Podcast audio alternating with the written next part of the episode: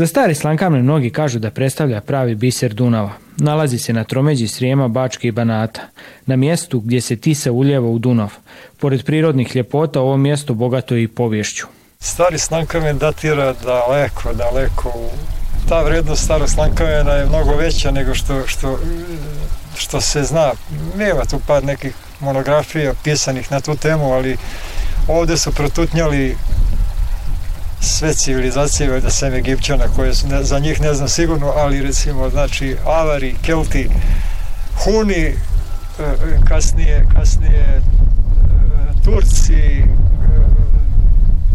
tu je uvijek bio prirodna granica između nekih svetova, Rimljani naravno, ovaj, tako da, da sasvim prirodno da je, da i, i, i, ovaj stari Slankamen koji, koji je zaista star i ima stvarno i dugu i burnu istoriju o kojoj se ne znam baš previše. Uglavnom, ovaj, stari Slankamen je za mene jedan stvarno biser na Dunavu. U starom slankovu postoje dva dela. ovo ovdje gdje smo mi sada, to se nekad zvala Varoš, a e, uzvodno gore uz Dunav postoji deo koji se, koji se zove i, i dan danas zovemo još uvijek Zagrad, to, je e, bilo pravo ribarsko naselje. Znači, Stari Slanka je bio podeljen na neki način na, ta dva dela.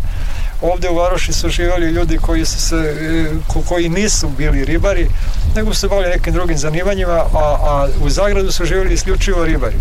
Sad se to u Slankavinu sad najviše ima vikendaša, više nego, nego autotonih ovaj, starosedelaca Slankavina, ovaj, tako da, da sad je to više jedno turističko mesta. Ono što je još od zanimljivosti vezanih za ovo srijemsko mjesto je da su obje crkve i pravoslavna i katolička posvećene svetom Nikoli.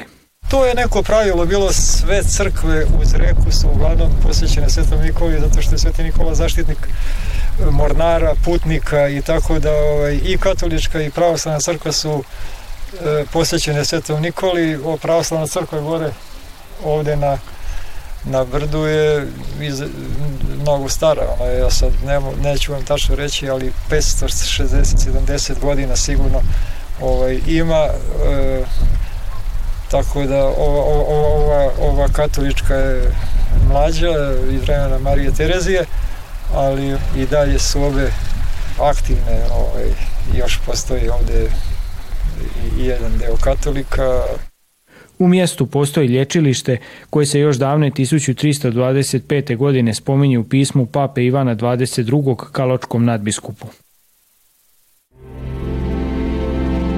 Gledate paletu. Izbor iz emisija na jezicima nacionalnih zajednica.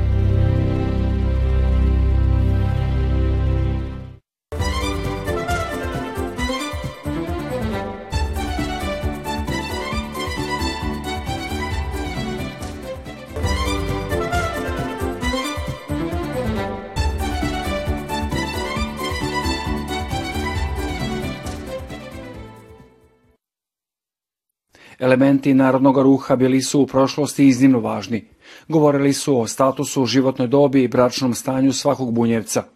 Očuvavši je kao snažnu identitetsku odrednicu, pripadnici ove zajednice i danas za to rado paradiraju u nošnji svojih predaka na pučkim okupljanjima i manifestacijama.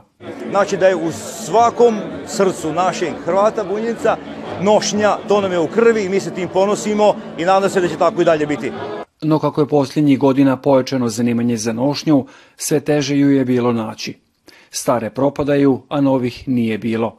Sve dok se Nada Sudarević nije angažirala.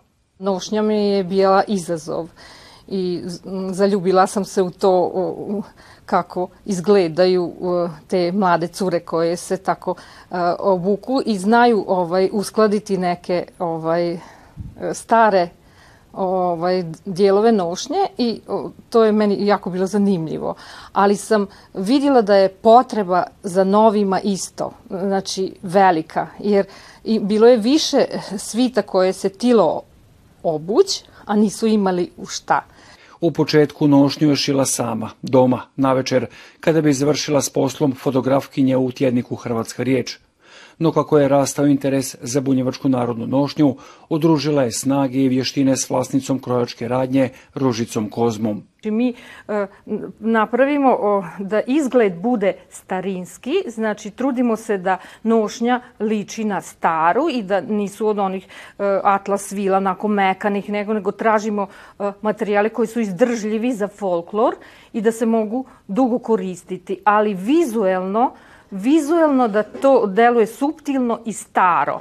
Ženski mideri imaju ovaj, znači od svile neku, neki materijal i, i na to idu port od zlata i onda se ove kopče koje su od srebrne, e, te kopče smo mi e, na osnovu ovog originala dali izraditi i sad imamo ovaj najpribližnije originalu ovaj e, kopče. A muški prsluci imaju ovaj imaju ove dugmiće puca koji su isto ovaj po originalu rađeni i ima ih 23 ili 25, o, ovisi koliko i svako imaju, imaju duplo kopčanje. Nada i Ružica sašile su do sada nekoliko desetaka kompleta bunjevačke narodne nošnje opremile su brojno članstvo Hrvatskog kulturnog centra u Subotici, mjesne bunjevačke obitelji, ali se njihovo ruho može naći i u Mađarskoj, gdje je nose tamošnji Hrvati i članovi njihovih folklornih skupina.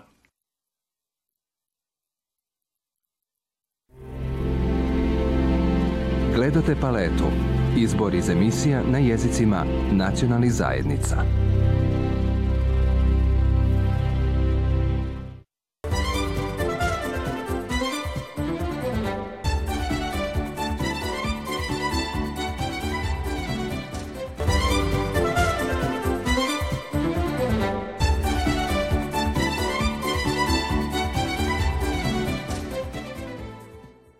Fra Roko Smendrović rođen je u blizini Zagreba.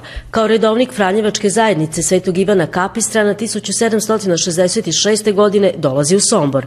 Vjernici su ga prepoznali kao karizmatičnog redovnika i svećenika, ali najviše se istaknuo po egzorcizmima i stjerivanju zlih duhova, što je u to doba bila senzacija u Somboru.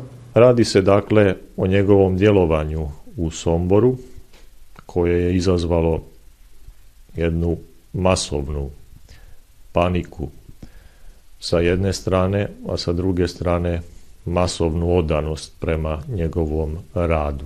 On je u crkvi presvetog trojstva, koja je zapravo originalno Franjevačka crkva koju su gradili Franjevci, a pored današnji župni dvor koji je tada bio Franjevački samostan. Zanimljivo je da sve to se odvijalo baš u našoj crkvi presvetog trojstva i u samostanu. Dakle, riječ je o masovnim egzorcizmima koji je fra Roko vršio u crkvi. Fra Roku javljali su se opsjednuti Sombora i okolnih mjesta. Spostavilo se da njihova, njegova molitva i trud oko njih je doneo duhovni mir za njih. Nije se radilo samo o katolicima, nego i vjernicima pravoslavne vjere koji su tražili već godinama pomoć kod svojih duhovnika bez ikakvih pozitivnih posljedica. Fra Roko je sa njegovim djelovanjem, molitvama i egzorcizmom sve te ljude na neki način smirio. Fraroko je bio cijenjen i poštovan od obitelji čim je članovima pomogao, ali onda je situacija izmaknula kontroli. On nije već znao da tu masu koja je hrlila u crkvu da ih smiri. Tako da je malo je prevagnulo na drugu stranu cijela ta priča, da je on krenuo da radi masovne egzorcizme, tako što je crkvu pretvorio u jedan teatar. Ispred oltara su postavili binu od crkvenih klupa, od dasaka crkvenih klupa, a u crkvi je bio puk narod koji je sve to gledao. Nije se fra Roko pridržavao strane crkve striktno propisanog protokola, pa je Kaločka nadbiskupija odlučila da se ukinu masovni egzorcizmi u crkvi i fra je mogao raditi u svojim prostorijama. Fra je na koncu ipak premešten iz Sombora. O Fra Roki Smendroviću, a na osnovu materijala pisanog na latinskom jeziku, napisana je knjiga na mađarskom jeziku. Na osnovu knjige Daniela Barte, velečasni Gabor Drobina u tjedniku Hrvatska riječ, piše fetom o somborskom egzorcisti.